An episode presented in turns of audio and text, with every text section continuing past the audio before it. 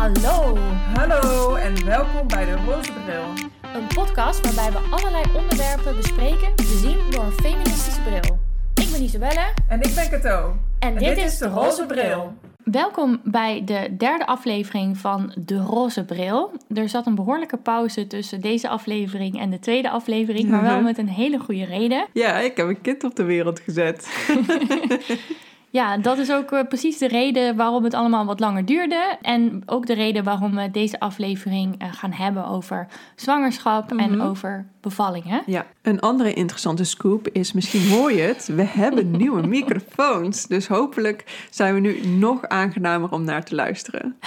Eerst gaan we naar de maandelijkse mijmeringen. Wat heb jij deze maand, eh, of wat is jou vorige maand opgevallen, Isabelle? Mij is vorige maand opgevallen dat het Atria Instituut een eh, inventarisatie had gemaakt van hoe de berichtgeving is over misdaden tegen vrouwen. En dat in de media er dan altijd een focus wordt gelegd, of nou ja, altijd, in 90% van de gevallen, op de mannelijke dader. En Ja. hoe zielig hij wel niet is, of eh, wat voor goede huisvader hij was, of wat voor geweldige man voor de community. En niemand Mhm. zag het aankomen. En dat het nooit gaat over de persoonlijkheid of het leven van de vrouw in zit. Ja, Iedere tien dagen wordt er een vrouw vermoord in Nederland Zo. door een man. holy shit. Dus wij denken misschien femicide, dat is iets van eh, Zuid-Amerika. Terwijl dat komt best wel veel in Nederland nog voor. En de berichtgeving is niet bepaald gelijkwaardig. Nee. Ja, ik heb ooit een praatje gezien van een eh, Britse jongen wiens eh, vader zijn moeder en zijn zus heeft vermoord. En eh, dat was ook hetgene waar hij het over had. Dat hij zich heel erg aan ergerde dat heel de media ging. Ja, ligt het, ligt het aan zijn jeugd, omdat hij geslagen is door zijn vader. En hij had zoiets van, nee, hij heeft gewoon iets verschrikkelijks gedaan. En heeft mijn moeder en mijn zusje vermoord. En er is niks in zijn leven wat hem daartoe heeft kunnen zetten om die moord te plegen. Wat hij als excuus kan gebruiken eigenlijk ook. Ja, ja, precies. Dus dat is iets waar hij toen echt eh, voor advocate Ehm, en, en wat is jou opgevallen deze maand? Nou, in september is natuurlijk een wet aangenomen in Texas, waardoor abortie, abortie eh, na zes weken niet meer mogelijk is. En de federal court heeft er nog niks aan gedaan. Het is eigenlijk een heel erg moeilijke wet om in een rechtbank om te draaien. En het is echt een soort van heksenjacht die kan ontstaan. Want iedereen die eh, iemand helpt om abortus te plegen, of het een Uber-chauffeur is, of een vriendin die meerijdt, een vriend, of eh, de arts zelf, eh, die kan voor de rechtbank gesleept worden door andere inwoners. Echt belachelijk. Maar waarom is het zo moeilijk voor de, de federale overheid om daar wat tegen te doen? Nou, tot nu toe zijn eigenlijk alle abortiewetten in de VS... had je de staat als plaintiff. Dus de staat die moest eh, de mensen voor het recht slepen. En nu zijn dat individuen. Dus de staat Oh. heeft zich er een beetje uit teruggetrokken. Dus nu mag een individu iemand voor de rechtbank slepen. En die individu verdient dus 10.000 dollar. Dus dat is echt, als jij een beetje in de schulden zit... en je denkt, oh, die mevrouw eh, die heeft een eh, vriendin informatie gegeven... over abortus in Louisiana. En dan mag je die gewoon voor het recht slepen. En het erge is ook nog dat de bewijslast ligt bij degene die wordt aangeklaagd. Dus jij kan Dat gewoon toch- uit je huis worden getrokken en gezegd: ga maar, ga maar bewijzen dat jij eh, dit niet hebt gedaan. Normaal gesproken is dat helemaal andersom. Ehm, en dan moet jij dus ook de courtfees betalen. En op het moment dat jij dus vrij wordt gesproken, dus jij hebt het dan waarschijnlijk niet gedaan, dan eh, krijg jij niks vergoed. Dus jij hebt heel veel eh, kosten gemaakt om in de rechtbank te verschijnen, een goede advocaat aan te nemen. En degene die jou voor de rechter heeft gesleept, hoeft daar helemaal niks voor te betalen. Dus het wordt één grote heksenjacht. Het is echt heel ernstig wat er aan het gebeuren is. Wat vreselijk. Ja, Nou, ik las wel dat dus in Mexico, of Mhm. eigenlijk een noordelijke deelstaat van Mexico, eh, er juist een ruling is geweest die eh, abortus uit het strafrecht haalt. Dus, Wow. dus het, het eh, strafbaar stellen van abortus is niet langer in lijn met de grondwet. En dat is juist super interessant in relatie tot die abortuswet in Texas. ja. Ja, die noordelijke staat en Texas, die hebben best wel veel culturele overeenkomsten. Mhm. Het is behoorlijk ehm, conservatief ja. omdat die noordelijke staat die grenst aan Texas. Mhm. Dus dat zou ook weer een hele, ehm, ja, dat noemen ze dan abortustoerisme. Dat vind Ja. ik een beetje een ongepast woord, maar Ja. ehm, ja, op, op gang kunnen brengen van Mhm. de VS naar Mexico. Ja, ik had ook gelezen inderdaad dat er nu heel veel mensen vanuit Texas eh, En die gaan nu allemaal naar Louisiana, naar andere staten om daar een abortus te krijgen. Maar ja, dat kost natuurlijk superveel geld als je zeven uur in de auto moet zitten en vervolgens nog een week in een hotel in Louisiana om. Ja. Ehm, dus je moet gigantische kosten maken om überhaupt die abortus te krijgen. En als je kijkt dat je gewoon tot 800 dollar per jaar kan spenderen aan anticonceptie in Amerika is dit gewoon voor heel veel mensen wordt dit gewoon onbereikbaar om abortus te plegen. Of überhaupt om te, voor te kiezen om geen kinderen te krijgen. Eh, en mensen laten zich echt niet tegenhouden door, door grenzen van een deelstaat of zelfs van een land als het gaat om dit soort dingen. Ja, Eh, dus je lost het probleem er niet mee op. nee, precies. Ik heb ook een onderzoek gelezen waarin zegt: het maakt niet uit waar je woont. Overal zijn ongeveer evenveel abortussen die worden gepleegd. Dus het Ja. maakt niet uit wat wetten er zijn. Dan gebeurt het maar heel op een hele gevaarlijke manier. En dan krijg je dus heel veel moedersterfte. Ehm, maar dus het lost inderdaad helemaal niks op. Dus heel goed dat Mexico gewoon het goede voorbeeld moet geven aan Amerika. Naar een ander onderwerp, namelijk de feminist van de maand. Die heb jij eh, meegenomen. Ja, eh, ik heb eh, deze maand gekozen voor de Afghaanse vrouwen voor de, als feminist van de maand. Dus ik Oh, heb ja. gekozen voor een groep. Ehm, de Taliban is natuurlijk, eh, Afghanis- heeft de macht in Afghanistan overgenomen, wat enorme consequenties heeft voor onder andere de vrouwen in Afghanistan. Die hebben twintig jaar lang eigenlijk in een redelijk liberaal land gewoond, waar ze hebben kunnen studeren, waar ze hebben kunnen werken.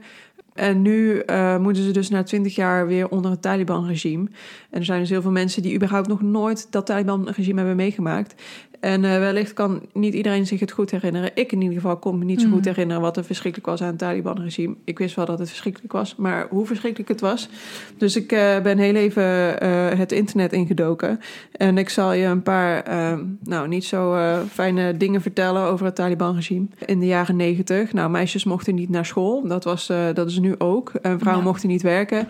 En toen zei ze ook, ja, initieel mogen meisjes niet naar school totdat de stabiliteit terugkomt. En dit is precies hetzelfde verhaal wat we nu zien. Vrouwen mochten geen make-up, geen nagellak, geen schoenen die geluid maakten, dus geen hakken, omdat ze vinden dat vrouwen stil moeten gaan.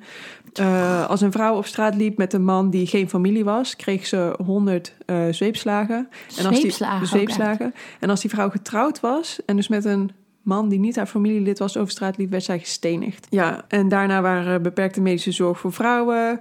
Eh, vrouwen waren vaak slachtoffer van verkrachting, ontvoering, geforceerde huwelijken door de Taliban zelf. Dit was allemaal onder de naam van de sharia gebeurd. En het is niet alsof het daarvoor enorm kommer en kwel, was in Afghanistan, want vrouwen hebben daar gewoon in 1920 stemrecht gekregen. In 1979 was nog 15% van de Hoge Raad in, eh, in Afghanistan vrouw. 70% van de leraren waren vrouw. 50% van de ambtenaren en studenten waren vrouw. 40% van de doktoren waren vrouw. Totdat de Taliban kwam. En dus nu is precies hetzelfde wat we nu aan het zien zijn. En ik vrees echt eh, wat we gaan zien nu de Taliban weer aan de macht is. Ja, het is inmiddels een paar weken geleden. eh, is die protestbeweging nog steeds zo op gang? Want ik weet dat het een paar weken geleden was het heel prominent Ja. in het nieuws. Ja. Maar nu lees je er eigenlijk al niks meer over. Nee, ik heb erop geprobeerd te zoeken en je leest er inderdaad bijna niets meer over. Het is natuurlijk ook ja, flink eh te neergeslagen, die protestbeweging. En dan gaan we nu verder naar het, naar het interview over bevallen en zwangerschap. Ja, je kan hier heel lang heel depressief over zijn, maar ik vind het wel heel belangrijk dat we het hebben genoemd. Ja, helemaal mee eens. Op naar Nienke. Op naar Nienke.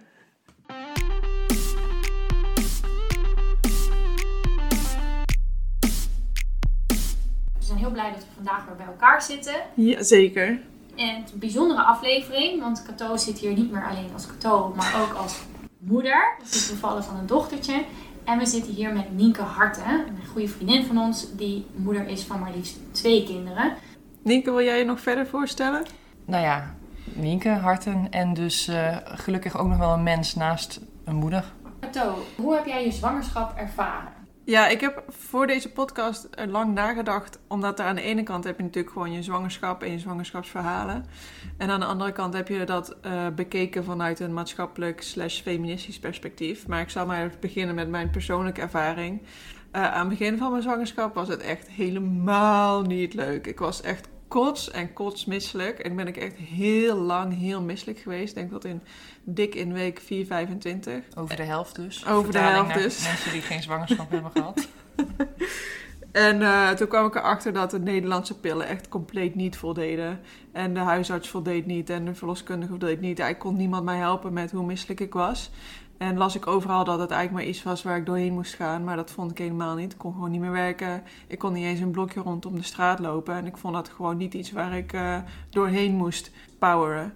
Dus uh, uiteindelijk eh, ben ik in België medicijnen gaan halen. Want daar hebben ze dus wel gewoon goede medicijnen voor vrouwen die misselijk zijn. Dus aan het begin was mijn zwangerschap echt kut. Ik heb ook echt lang nagedacht van ja, moet ik dit dan wel willen als ik zo, zo, zo ziek ben hiervan? Uh, dus nee, het, was, het begin was echt heel erg ellendig. En toen het beter ging worden, was het heel erg leuk en fijn. En uiteindelijk was, uiteindelijk was ik zo'n grote walvis dat ik ook niks meer kon. Toen was het niet meer fijn. maar nee, het was, uh, mijn zwangerschap heb ik niet alleen maar uh, ervaren als die rooskleurige wolk waar je op moet zitten. Op een gegeven moment gelukkig wel. Maar dus dat is wel uh, meteen iets wat ik uit de wereld wil helpen. Dat dat een roze wolk is. En ik denk dat dat ook een beetje jouw ervaring is, niet Nienke? Ja, nou ja, ik hoor jou zeggen van op een gegeven moment werd het wel weer leuk. Nou, ik vond het echt twee keer helemaal niet leuk. Mm -hmm. Echt van begin tot einde eigenlijk niet. Het enige leuke eraan vond ik dat, ik, dat er een kind aankwam. Ja.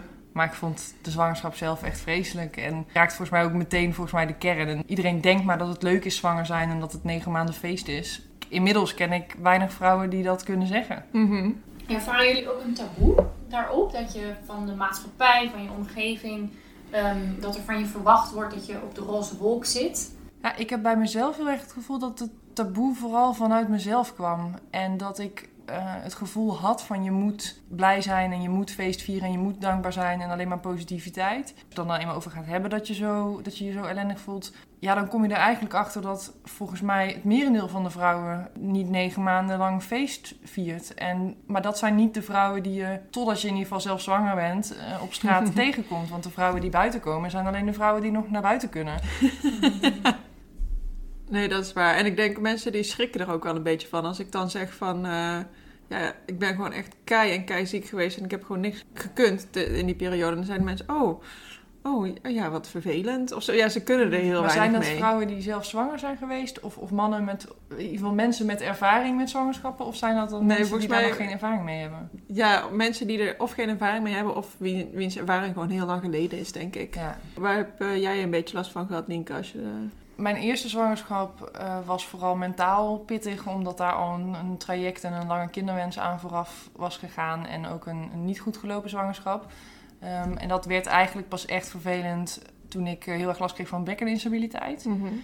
uh, en aan het einde van die zwangerschap kon ik gewoon, had ik heel veel pijn, kon niet goed slapen, niet goed bewegen. Um, en toen zeiden ze ook al, oh, dat wordt bij een volgende zwangerschap alleen maar erger.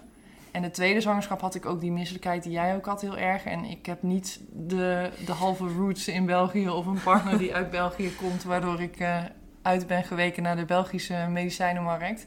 Dus ik heb het wel gedaan met het zwaarste wat je in Nederland kon krijgen. En dat was eigenlijk gewoon voor mij, ik werd daar helemaal soort van stoned van. Dus ik mm -hmm. heb de eerste maanden van die zwangerschap gewoon op de bank gelegen. En ik kon echt kiezen, wil ik vandaag ziek zijn of wil ik vandaag afwezig zijn? Dat was Ja. een beetje de afwisseling die ik steeds zocht. En de bekkeninstabiliteit was ook heel, bij de tweede zwangerschap nog veel erger. Dus daar ben ik uiteindelijk ook, uh, nou ja, vanaf drie of vier maanden kon ik niet meer, kon ik eigenlijk niks meer. Ja, heel heftig. Ja.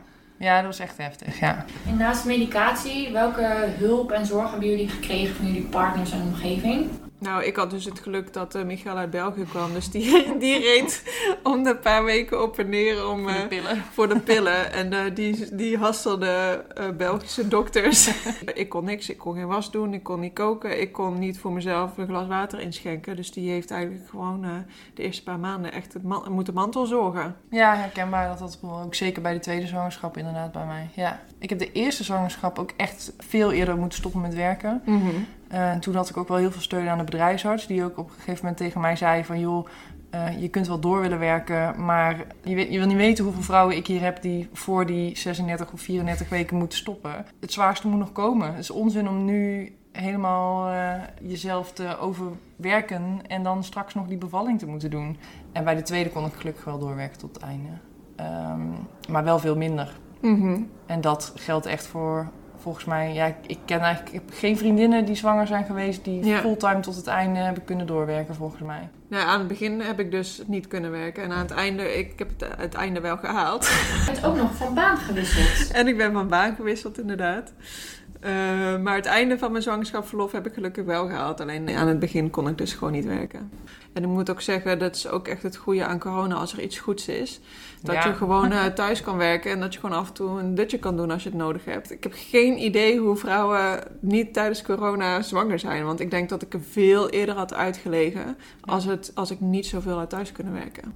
Dus dat is super fijn. Maar wat ik nog wel een interessante vind is, eh, want ik heb dus ook eh, mensen die ik ken die het juist ja, een beetje zwak vinden als eh, je aan de medicijnen gaat als je zo misselijk bent. Ik had het er ook met Isabelle over van is dat nou feministisch of niet? En toen dacht ik ja, dat is natuurlijk gewoon bullshit, want allebei is gewoon een feministische keuze of een keuze, je maakt je eigen keuze. Eh, maar ik vind het ook wel shocking dat eh, sommige vrouwen denken dat ze door die pijn en die misselijkheid heen moeten gaan omdat ze anders niet echt zwanger zijn geweest. Of dat ze anders Ja. niet het waard zijn om een kind op aarde te zetten. ja, dat heb je ook veel vrouwen die er zo over denken bij de bevalling, Ja. toch? Ik ben geen ervaringsdeskundige, maar ik heb eh, wel een Instagram-account. En ik verbaas me altijd ja, over wat voor reclame er eigenlijk wordt gemaakt voor nou ja, allerlei producten die je niet nodig hebt in het leven. Maar er is een hele Instagram-beweging voor natuurlijk, natuurlijk zwanger zijn en Mhm. natuurlijk bevallen. En ik vind dat heel giftig. Want, Ja. eh, Ik kan wel eh, beoordelen of dat onzin is of niet. Maar ik denk dat heel veel vrouwen ja, toch ook wel heel erg opkijken naar dat soort influencers. En Mm. inderdaad, pijnbestrijding, dat wordt echt neergezet als iets waar je mm, moet voorkomen. Proberen Ja. te voorkomen. Want wat ik wel bijvoorbeeld veel, of veel las, of waar ik me op een gegeven moment schuldig over ging voelen, ik weet niet of jij dat ook hebt, dat je dus zo misselijk bent dat je eigenlijk het enige wat ik at was smakeloze kip en smakeloze aardappelpuree uit een, uit een pakje. Dat was zeg maar alles wat erin ging. En eh, geen Mijn vis. eerste drie maanden waren witte, zachte bolletjes met vegetarische hotdogs met zuurkool. Oké. Maar ja, Heerlijk. Dus niet de wekelijke Niet vis gezond. die je moest eten. En niet, die, niet de bietenshakes. Nee, nee, nee. En niet alle dingen die je zou moeten Nee. doen om een fantastische moeder al te zijn tijdens de zwangerschap. Dus eigenlijk had ik het idee dat ik eigenlijk tijdens mijn zwangerschap al het moederschap had verloren. Omdat ik gewoon niks Oh ja. goeds aan het eten was voor eh, mijn ongeboren kind. Nou, daarvan had ik, ik had gelukkig een huisarts die ook op een gegeven moment tegen mij zei: die, die embryo, zeker in het begin, die pakt echt wel wat hij nodig heeft. Mhm. Je bent, jij bent degene die erop achteruit gaat, zeg maar. Dus Ja. dat kind, dat, dat regelt het wel voor zichzelf. En dat merkte ik ook, want ik ben echt enorm afgevallen die eerste paar maanden. Omdat Mhm. ik gewoon geen goede voedingsstoffen binnenkreeg. Maar ja, ik kon niks binnenhouden. Maar ik vond dat wel een hele... ehm, eh, ik had daar wel veel steun aan, aan die gedachte. Dat dus inderdaad, ja, ik het dan niet slecht deed voor mijn kind, maar dan maar voor mezelf, zeg Ja. maar. Ik denk, ja, dan ga ik wel weer eten als het eh, weer gaat. De embryo heeft geen bietenshake nodig. Nee, de embryo is een parasiet, zei ze steeds. en waar kwam bij jou, Cato, dan dat eh, idee vandaan dat je bang was dat je gefaald had in het moederschap? Maar dat is wel wat ik meekreeg. Jij zit toch wel op het internet en je leest allemaal mensen die eh, eh, allemaal super gezond doen. En ik heb een aantal keer zo'n zwangerschapscursus online gedaan. En dan waren er mensen die dan elke dag hetzelfde liedje afspeelden voor een ongeboren kind. En eraan tegen zongen en dat soort dingen. En dan denk je, jeetje, loop ik nu al zoveel achter. Ehm, dus ja, je krijgt het wel mee dat er heel veel andere mensen op een hele andere manier met hun zwangerschap om aan het gaan zijn. En voor mij geeft dat ook een soort van eh, ja, eh, kapitalisering van de zwangerschap. Dat het aan het begin al zo'n super efficiënt ehm, om moet gaan met je ongeboren kind. Dus dat wij als vrouwen dus allerlei soorten voedingsstoffen, yoga en wat ik ja, van allerlei soorten dingen moeten doen. Om te zorgen dat wij ons ongeboren kind maar zo goed mogelijk eh, op, de, op de wereld zetten. Eh, en aan de ene kant is het natuurlijk heel mooi. Maar aan de andere kant vind ik ook dat het zoveel steeds meer van de vrouw vraagt. En ik vraag me af ook, kan je überhaupt een fulltime job hebben en zwanger zijn en al die dingen doen? Ja, ik vind ook wel dat er, er spelen wel twee dingen voor mijn gevoel. Want aan de ene kant wil je natuurlijk puur vanuit een soort van biologisch, medisch oogpunt... Ja. Heeft een embryo nou eenmaal bepaalde dingen nodig? En heb jij als zwangere vrouw nou eenmaal bepaalde dingen nodig? Maar er zit ook heel erg, die, dat speelt ook heel erg mee, dat hele... Iedereen ervaart zijn zwangerschap anders. En elke Mhm. bevalling is anders. En om dan te zeggen, ja, je moet natuurlijk bevallen... want pijnbestrijding is eh, tegen natuurlijk of weet ik veel wat... Ja, dat is lekker. Maar als jij had gevoeld wat ik had gevoeld, dan had je ook geschreeuwd: als ik geen pijnbestrijding krijg, dan wil ik dood. Zeg maar. Ja. Dus het is, het is ook wel een beetje, er zitten wel gradaties in. Ik ken Ja. ook verhalen van vrouwen die ook zeggen dat ze misselijk zijn. Maar ja, die moeten dan eh, een paar keer 's ochtends overgeven en dat is het. Ja, ik was echt een beetje getraumatiseerd na afloop. Ja, Dus, dus er zit gewoon heel veel verschil in. En dan denk ik, ja, dat, ik vind het heel mooi dat mensen voor zichzelf mogen bepalen hoe ze dat willen en wat ze fijn vinden. En toen ik de eerste inging, dan ga je toch inderdaad... Ik was ook van, oh ja, uh, liefst zonder pijnbestrijding. En, maar ja, als het nodig is, dan weet ik het wel. Mhm. Ik ben er niet tegen, maar ik wil het liefst zonder. Ja, En bij die tweede dacht ik echt, ja, spuit er maar in eh, voordat ik pijn heb. Want waarom zou ik pijn lijden? Was, Ja. was dat goed voor me? Ja, en in Nederland heb je natuurlijk eh, meer thuisbevallingen dan in veel andere Europese landen. Mhm. Hebben jullie dat overwogen? Want jullie zijn allebei in het ziekenhuis bevallen. En waarom wel, waarom niet? Ik nooit. waarom niet? De gedachte dat er misschien iets misgaat en dat ik gewoon wil dat er artsen klaarstaan om iets te doen als nodig is. Ik Ja. vond het best wel eng. Ja. ja, voor mij hetzelfde. Ik heb eh, tijdens mijn eh, bachelor is een van mijn professoren overleden in het kraambed. En ik had zoiets van, eh, ja, dat gaat echt mij nooit gebeuren. Dus ik had zoiets van, ik ga sowieso in het ziekenhuis bevallen. En uiteindelijk zijn we gestart in het bevalcentrum en daarna nog twee ziekenhuizen gehad. Eh, dat is, daar komen we zo meteen op. Maar ik had zoiets, als we starten in het bevalcentrum, dan zit je in ieder geval in het ziekenhuis. Als er iets misgaat, dan... eh, Lig je zo op de IC. Ja. ja. Ja, ja precies. Ja.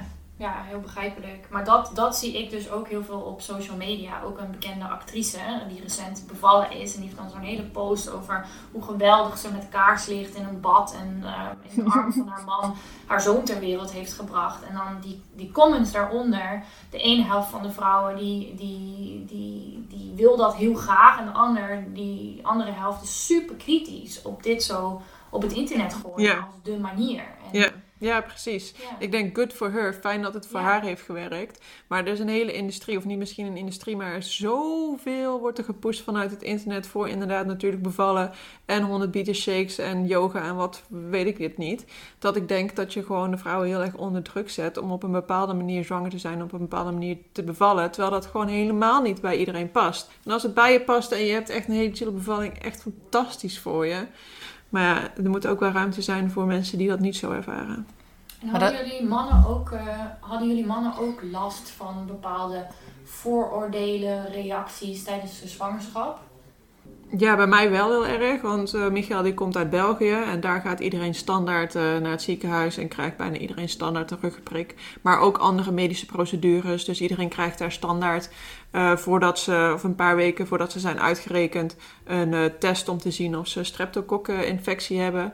En eh, met streptokokkeninfectie kan dus zijn dat je dat tijdens de bevalling overgeeft aan je kindje en dat kan zelfs leiden totdat je kindje overlijdt. In Nederland doen we dat niet, omdat ze vinden dat ja, de cost-benefit analysis is Het is gewoon... niet positief. Is niet positief, dus dan in Nederland doen we dat sowieso niet. Nee. Dat gaat ook over vaccins na, nadat het kind is geboren, overigens, waar ze dat wel in het buitenland doen, in Nederland niet.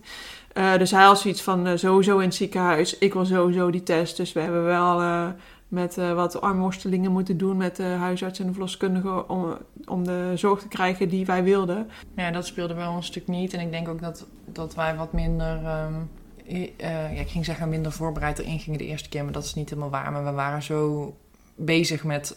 Als dat kind maar blijft leven, zeg maar. Ja. Als deze zwangerschap maar goed gaat. Dat, je, dat we, denk ik al, of in ieder geval ik... En ik denk ook wel Roel, minder eh, bezig waren met dat soort dingen. Mhm. Eigenlijk toch wat slechter voorbereid misschien die zwangerschap eh, door zijn gegaan. En hoe, eh, hoe hebben jullie partners het verlof geregeld? Ja, Roel die eh, had eigenlijk meteen al besloten dat hij heel graag even lang als ik thuis wilde zijn na mijn bevalling. Ehm, en die heeft dat gewoon op zijn werk eh, aangekaart. En eigenlijk niet eens gevraagd, maar gezegd van joh, ik wil dat heel graag. Ehm, hoe kunnen we dat regelen? En daar eh eh, reageerden ze eigenlijk heel positief op. Maar ja, dat was Rijksoverheid. Mhm. En dan zit je toch al wel volgens mij redelijk eh, coulant en goed. Dus ja, dat. En de tweede keer bij een andere werkgever ook weer meteen gezegd van... joh, ik wil dit... Daar zeiden ze wel... oh, dat verzoek hebben we nog nooit gehad. We moeten even gaan kijken of dat kan. Mhm. Maar het kon. Ja, we hebben het anders eh, geregeld. Dus wij hebben, Michael die was de eerste drie weken was hij er. Toen heeft hij twee weken gewerkt en toen weer twee weken verlof genomen. Omdat ze toen eh, haar eerste sprongetje had. Of ha- had moeten hebben. En uiteindelijk was ze die helemaal niet. die had ze natuurlijk in de twee weken toen Michael aan het werken was. Eh, en dan is je baby gewoon een stuk lastiger. En nu is hij weer twee weken aan het werk en dan gaan we nog twee weken op vakantie. Dus hij neemt het gewoon in kleine hapjes op. En dat werkt ook goed. En eh, zijn eh, werkgever is daarin heel erg eh geul. En die, eh, normaal gesproken krijg je 70% vergoed van, eh, uitgekeerd van het UWV. En zijn werkgever die vult het aan tot zijn, eh, Oh, g- salaris. Dus eh, dat is wel heel fijn. Netjes, wat een voorbeeld. Ja. Goed. Ja, zeker. Kato, wil je ook wat vertellen over je bevalling? Ja, nou, ik ben dus eh, gestart in het bevalcentrum in OVG West. Ehm, en dat was na eigenlijk een dag kleine weeën te hebben. En op een gegeven moment worden ze steeds heftiger. Een eh, verloskundige in opleiding was aanwezig en een normale verloskundige. En het is protocol dat als de verloskundige in opleiding in de laatste maand zit van haar opleiding, dat zij de gehele bevalling eh, zelf begeleidt. Ehm, en eh, nou, Dat was zo. Ja, dat was zo. En toen zijn we, ik denk rond een uur of eh, drie, vier uur s'nachts zijn we naar het bevalcentrum in West vertrokken. Omdat toen de bevalling eh, genoeg op gang was. Ik had toen drie à vier centimeter ontsluiting.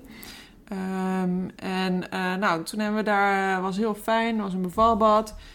Eh, met het bevalbad zijn we rond een uur of tien 's ochtends. Toen kreeg ik zo enorme weeën en persdrang dat ik zei, nou, ik wil nu wel gaan persen. En toen checkten ze. En toen bleek in plaats van de 8 centimeter die de verloskundige in opleiding dacht, eh, was het maar 3 à 4 centimeter. Oh. Ehm, en toen had ik zoiets van, oké, dit kan ik echt niet aan. Ik wil nu, ik wil gewoon nu een ruggenprik, gewoon nu.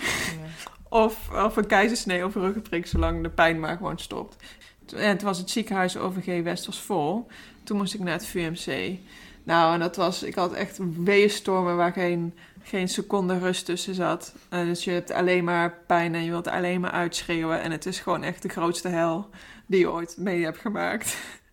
En dan eh, kom je naar beneden in je rolstoel en dan is zelfs de parkeerautomaat stuk dat je niet eens uit kan rijden fatsoenlijk. Weet je, alles ging mis. En dan zit je tijdens de spits op de snelweg van het LVG West naar de VUMC. En eh, toen ik uiteindelijk in het vuur terecht kwam en eh, de ruggenprik was gezet, dat ging overigens het snelste wat ze ooit hadden gezien. Dus dat was super fijn. Eh, toen kwamen ze erachter dat de baby een sterrenkijker was. En dat hadden ze dus helemaal niet. Mijn eigen verloskundige had dat gewoon niet opgemerkt. Dat was, vond ik wel heel kwalijk. Ehm, en eh, het feit dat ze een sterrenkijker is, betekent dat ze eigenlijk geen contact maakt met de baarmoeder. Waardoor je eigenlijk gewoon die ontsluiting heel erg eh, laag blijft. Maar het is ook heel gevaarlijk. Want ze, als ze zo geboren wordt, dan, ja, dan is de kans op complicaties is zeer groot. En uiteindelijk hebben ze mij in het VMC heel goed geholpen en hebben ze nog de baby kunnen draaien. Maar het had echt heel anders kunnen lopen. Dus uiteindelijk heel blij dat ik in het ziekenhuis ben bevallen. Maar eh, zonder ruggenprik had ik echt geen idee gehad hoe ik ooit, ooit die bevalling had moeten voltooien. Ze komen er schijnbaar altijd uit, maar ja, ja het, was wel, het was wel heftig en ook wel best wel dramatisch, ja. En hoe was het voor jou, Nienke? Eh, ja, ik vond, wat ik net al zei, ik vond de eerste achteraf eigenlijk echt best wel traumatisch. Eh, iedereen zegt dat natuurlijk van tevoren en ik wil ook niemand die luistert bang maken, want je komt er echt wel weer overheen. Maar ik vond het echt, nou ja, jij zei het ook al, echt verschrikkelijk. En ik had me dat niet zo gerealiseerd van tevoren. Gek genoeg, ja, je weet wel dat het pijn gaat doen en ik was ook best wel bang voor de pijn. Maar eh, ik, nou, de pijn werd op een gegeven moment zo erg dat ik echt letterlijk heb gezegd, volgens mij, ik wil echt dood als ik niet nu Ja, pijnstilling krijg. En ik was heel bang voor de rugprik. Ik vond het heel eng, zo'n naald in je, in, in- Mhm. tussen je ruggenwervels. Ehm, maar ik weet nog dat ik dacht, ah joh, al ben ik de rest van mijn leven verlamd, kan me echt niet schelen. ik moet nu van die pijn af. dat is ook exact mijn gedachte. Het ging inderdaad gelukkig best wel snel. Ik denk dat ik een half uur of drie kwartier moest wachten. En dat Mhm. schijnt wel redelijk normaal te zijn. Dat, ik, ik had overigens ook ik had twee keer een sterrenkijker. Ik, ik heb dat helemaal niet meegekregen. Die, hele, die eerste bevalling ben ik echt niet één seconde bezig geweest met mijn kind. Ik was zo overrompeld door hoe Mhm. Heftig ik het vond. Dat ik alleen maar voor mijn gevoel achter de feiten aanliep. En bezig was om mezelf overeind te houden. En ik heb geen seconde me zorgen kunnen maken om mijn kind. Eigenlijk Mhm. best wel erg. Eh, maar dat ging ook redelijk Ja. goed hoor. En het enige wat ik heel heftig vond, of het enige, enige opvallende wat ik heftig vond aan mijn bevalling, was dat ehm, ik persweeën kreeg en er was geen verloskundige. Want die Oh. was in de zaal naast mij bezig met een verlossing. Mhm. En ik had een co-assistent. En die zei alleen maar, je moet ze wegpuffen, je moet ze wegpuffen, je moet ze wegpuffen. En ik geloof dat ik wel 50 minuten lang eh persweeën heb moeten wegpuffen. Het voelde voor mij voor zes, als zes uur, Ja, maar rond ja, mij, ja, nou, ja. dat was het niet. Maar het was wel echt, echt lang. Mijn allereerste gedachte toen Jonathan eruit kwam was... Oh, thank God, it's over. En toen dacht ik, oh, mijn kind. In die volgorde. Ik was, toen ze zeiden van, je mag nu gaan persen, toen ben ik keihard gaan huilen. Toen dacht ik, oh mijn god, het is gewoon zo meteen voorbij. Oh Ja. man. Nee, dus ik kan helemaal inkomen. Ja. En dus bij die tweede, want dat wou ik net nog zeggen. toen ik, dat, ik vond de tweede bevalling echt veel relaxter. Want dan weet je dus een beetje hoe ga ik zelf reageren en wat kan er allemaal. En toen dacht ik ook, ja, ik vind weer die ruggenprik heel eng. Mhm. Maar ik weet ook dat ik straks heel veel pijn heb. En ik weet ook dat het me meeviel en dat ik hem wil hebben. Dus, en dat, daar had ik een gesprek over ook met de verloskundige. En die zei ook, ja, zet hem dan gewoon eerder. Als je hem toch wil, Ja. hoef je echt niet te wachten tot het moment dat je denkt, ik wil dood. Doe het gewoon een uur daarvoor. en toen dacht ik, oh ja, dat is echt best wel relaxed als een verloskundige dat gewoon in de voorbereiding tegen je zegt. Dus ik was heel braaf. Mijn tweede bevalling ging veel sneller, was 3,5 uur of zo. En ik was heel braaf na een uur dat de weeën echt vervelend werden. Dat ik dacht, nou, laat ik dan nu maar vragen om die, om die Ja. ruggenprik. Want ik moet niet wachten tot het erg is. En toen duurde het. En op een gegeven moment zei ze, ja, het kan niet, want het gaat hem veel te snel. Dus er is binnen twee uur een baby, dus je mag geen ruggenprik meer. Nou, en toen was ik ook gewoon, moest ook echt huilen van een soort van... En nu dan? Hoe moet Ja. ik het dan zonder ruggenprik? Ja, want dat is een interessant onderwerp waar je, wat je nu aansnijdt. Eh want Katoja had een artikel gelezen over eh, pijnbestrijding bij bevallingen. Ja, ja, dat was ook een uitzending eh, van Nieuwsuur, of één vandaag, excuses. En daarbij werd eigenlijk gezegd dat 25% van de vrouwen die daarom vragen geen ruggenprik krijgen of het echt veel later krijgen. En een vriendin van mij heeft dat ook meegemaakt. Die heeft om een ruggenprik gesmeekt en zes uur later werd hij een keertje gezet. En die had echt een mega lastige bevalling, want haar heupen waren veel te klein en het kind kwam er gewoon niet uit. En dan krijg je pas na vijf, zes uur lang krijg je een ruggenprik. En ik, die pijn... Wat is dat dan, dat dat zo lang duurt? Nou, dat hebben ze dus gezegd. Aan de ene kant is het dus eh, omdat er vaak niet genoeg anesthesisten voor zijn in het ziekenhuis. Dus soms komt er dan een spoed bovenop. En dat is allemaal veel belangrijker natuurlijk dan een vrouw. Want die, je kan ook natuurlijk bevallen zonder pijnstilling. Maar je kan schijnbaar niet eh, botten zetten zonder pijnstilling.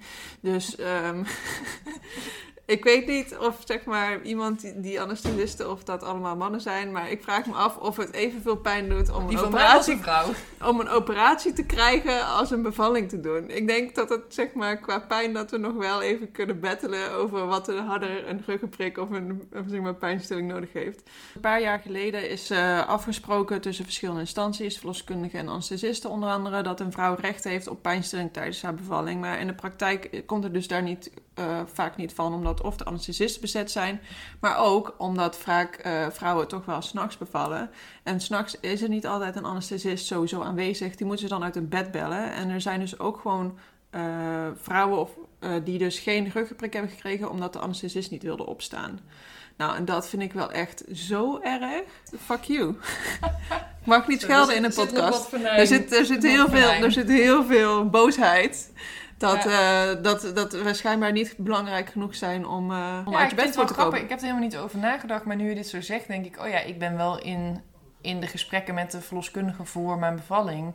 werd wel gezegd... Want je hebt dan zo'n gesprek hè, waar ze doornemen met je wat je opties zijn. Mhm. Daar zeiden ze inderdaad... Ja, ruggenprik, dat kan niet altijd. Eh, S S'nachts is dat moeilijk. En als er inderdaad spoed tussendoor komt, dan Ja. kan het niet. Soms kan het een uur of anderhalf uur duren. D- dus ik heb dat maar gewoon aangenomen. Ja. Van oké, dat is dan dus zo. Punt. Oh ja, dus eigenlijk heb jij dat meegemaakt, maar je was niet zo bewust van jouw recht op pijnstilling. Nou, ze zeiden dus wel van, je kan, wat je wel altijd kunt krijgen, zeiden ze tegen mij, is dat remifentanil. Want dat, dat hoeft een anesthesist niet te doen. Dat mogen de verplegers en de verloskundigen zelf doen op de afdeling. Ehm, maar dat vond ik echt waardeloos. Dat deed bij mij helemaal niks. ja. Nou, we hebben afgesproken dat dit gesprek vooral gaat over zwangerschap en over bevalling. Maar ik wil toch even het grotere thema moederschap en feminisme aanstippen. Mhm. Want jullie zijn allebei feministen, overtuigd feminist. Hoe zien jullie de relatie tussen feminisme en moederschap? Is dat iets wat vreemd of is dat heel goed te verenigen? Omdat er is best wel kritiek ook op het feminisme. Mhm. Dat het moederschap wel eens lijkt te vergeten. Ja, ik merk het wel bij mezelf eigenlijk. Dat ik af en toe wel eens, eh, dat de gedachte wel eens bij me opkomt van... joh, ehm, ik vind eigenlijk met mijn kinderen zijn veel leuker dan werken. En ik zou niet willen stoppen met werken, want ik vind, ik haal ook heel veel voldoening uit mijn werk. Maar nu werk ik meer dagen dan dat ik niet werk. En dat voelt nog wel eens puur op de emotie een beetje scheef. Dat ik denk, joh, ik zou eigenlijk misschien wel liever vier dagen thuis willen zijn en drie dagen willen werken. En daar vind ik zelf gewoon best wel wat van, merk Mhm. ik. Dus ondanks dat ik ehm, heel erg vind dat, dat je uiteindelijk moet doen wat jij voor jezelf het fijnste vindt en niet wat de maatschappij van je verwacht, merk ik dat ik daar toch al last hebt van een soort van eh, ehm, eh, ja, thuis zitten en, en voor je kinderen willen zorgen, dan, dan ben je geen goed geslaagde vrouw in deze tijd, want je moet toch carrière willen maken. Ik heb nog niet meegemaakt dat ik eh, zelf minder wil gaan werken. Maar op het moment dat dat komt, kan ik me heel, ga- heel goed voorstellen dat je dan je afvraagt van is het wel feministisch om dit te willen? En überhaupt het feit dat wij daarover na moeten denken, is dit wel feministisch? Ben ik dan wel een echte feminist? Ik denk dat de man nooit gaat denken, oh ben ik wel een echte Man. pat patriarch. om dat te denken. Dus ik denk het feit dat wij hier zoveel over na moeten denken, geeft natuurlijk ook wel aan dat het voor vrouwen gewoon een veel moeilijker onderwerp is. Ja, toch geldt dat natuurlijk ook wel voor mannen in dit onderwerp, hè? of voor partners Ja, überhaupt. Ehm, maar je wil ook, tenminste dat zou ik denken in een ideale wereld, dat mannen ook bij hun kinderen durven zijn. En durven zeggen, hé, hey, wacht, ik wil minder werken, want mijn kind zien opgroeien is gewoon voor mij belangrijker. Zonder dat daar ook weer een waardeoordeel op zit. Net zoals je als vrouw ook moet kunnen zeggen: Ik wil bij mijn kind zijn. zonder dat je dan een slechte feminist bent of zo. Ja, of ik wil eh, 80 uur werken zonder dat ik een slechte moeder ben. Ja, Ik wilde een referentie maken nog naar onze allereerste podcast. Mhm. Waarin we een gesprek hadden met eh Marij en Ellen. En toen hadden we het ook over dat vrouwen toch wel meer last hebben van dat schuldgevoel. Of tenminste, dat hadden zij heel erg. Ja. Dus een soort spagaat voelen tussen als je op je werk bent, dan ben je, voel je je schuldig dat je niet bij de kinderen bent. En dat zij eigenlijk aangaven dat hun mannen ja, dat helemaal niet op die manier hadden ervaren. nou ja, laat ik beginnen te zeggen dat ik echt gezegend ben met Roel. qua eh, hoe feministisch die is in dit soort dingen. Ik weet niet of ik heel erg dat schuldgevoel ervaar. Wel dus af en toe dat ik denk: Oh, eh, dan stuur ik mijn kinderen weer naar de opvang zodat ik kan werken. Dat gevoel heb ik nog wel eens. Ehm, maar ik vind wel, ik voel wel heel erg een overtuiging dat ik het recht heb om mijn eigen werk te houden. En wat ik al zei, daar begon ik deze aflevering ook mee. Ik ben ook echt naast moeder ook echt nog mijn eigen persoon. En dat voel ik ook wel heel sterk zo. Nou, ik heb het wel ook een beetje de andere kant op. Want ik ben eh, afgelopen januari eh, eh, begonnen met een andere baan. En ik heb wel geteld zes maanden gewerkt en toen ging ik eruit. Ehm, en dan voel je je toch wel enigszins schuldig tegenover je werkgever. Of ik heb daar wel een beetje last van.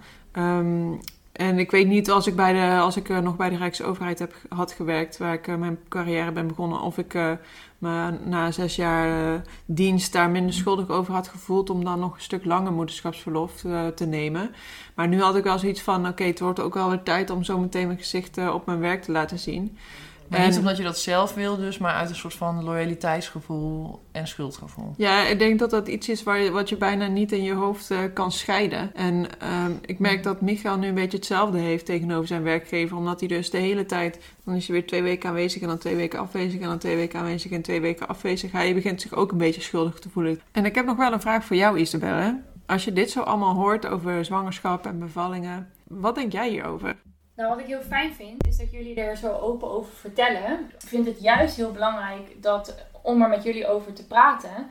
Omdat ik dan ook het gevoel heb dat ik een beetje meegenomen word in die voor mij onvoorstelbare buitenaardse ervaring die jullie doormaken. Want het creëert toch eh, in potentie best wel wat afstand als eh, vriendinnen kinderen krijgen. En jij bent daar logischerwijs helemaal geen onderdeel van. Je bent bij, bij voorbaat natuurlijk een buitenstaander. Maar juist door zo open te praten over de ervaringen, word je als kinderloze vriendin daarin meegenomen. En dan voel je ook iets meer verbonden. En dan is die vriendschap wat meer geborgd. Ja, een schuldgevoel dat je, die, dat je moet, moet balanceren tussen werk en moeder zijn. Het lijkt me allemaal best wel ingewikkeld. En ik vind het alleen maar heel erg knap hoe jullie dat doen tot nu toe. Nienke, wat vond jij om er hier zo over te praten? Dat merkte ik meteen al toen ik eh, bevallen was, dat ik echt heel veel behoefte had om erover te praten. En dat had ik me nooit gerealiseerd. En er zat voor mij ook een soort van taboe op om vrouwen die bevallen waren te vragen van... joh, hoe was je bevalling bijvoorbeeld? Mhm. Dat verbaasde mij eigenlijk wel. Van, oh, dat is kennelijk... En sindsdien merk ik ook, elke vrouw die er ernaar vraagt... die Mhm. is eigenlijk heel blij dat ze de verhaal kan doen. Want het is gewoon best wel intens. En het is een hele ehm, ervaring. En wat ik zelf heel erg heb gemerkt is dat ik eh, tijdens mijn zwangerschap ook veel, eh, me veel dichter bij jou voelde. Als, omdat je een van de weinige vriendinnen bent die ook eh, dit hele proces heeft doorgemaakt. Want ik wil nou zeggen die ook moeder is, maar dat, het is zoveel meer dan dat. Een vriendin van mij, haar vader, die vertelde het heel mooi. Die, toen hij eh, zijn twee kinderen had gekregen, toen zei hij... Ineens heb ik een hele andere manier om naar de wereld te kijken. Want ik snap nu gewoon hoe... eigenlijk, ik kan me relateren aan alle vaders in de hele wereld. Want we hebben allemaal een gezamenlijk iets dat we hebben uh, doorgebracht. Al die vrouwen in het park, die zijn met kinderen, die zijn gewoon allemaal bevallen. Vind ik zo bizar. Die hebben dat gewoon allemaal gedaan. Die zijn allemaal zwanger geweest. En als je daarover nadenkt, vind ik dat echt heel mooi en ook heel raar. Ja, dat is wel een mooie afsluiter. Ja, want eigenlijk is het het meest natuurlijke en normale wat er is. Mm iedereen die op de wereld rondloopt, is geboren. En aan de andere kant is het, het een van de meest bijzondere dingen. Ja. Het meest bijzondere wat je ooit kan meemaken. Ja. dat is zo'n aparte tegenstelling. Ja. En ik vraag me af als ze over 100 jaar kinderen in zakken kunnen. Um, kunnen kunstbaarmoeders kunnen kweken. Ja, precies, kunnen kweken. Of dan het feminisme een nieuwe stap gaat maken. Maar dat is iets wat uh, waarschijnlijk podcasters over 100 jaar ons moeten gaan vertellen. Bedankt voor het luisteren. Als je vragen hebt voor onze twee gasten, voor ons, suggesties, ideeën of een keer met ons wil komen praten, mail dan naar rozebrilpodcast.gmail.com.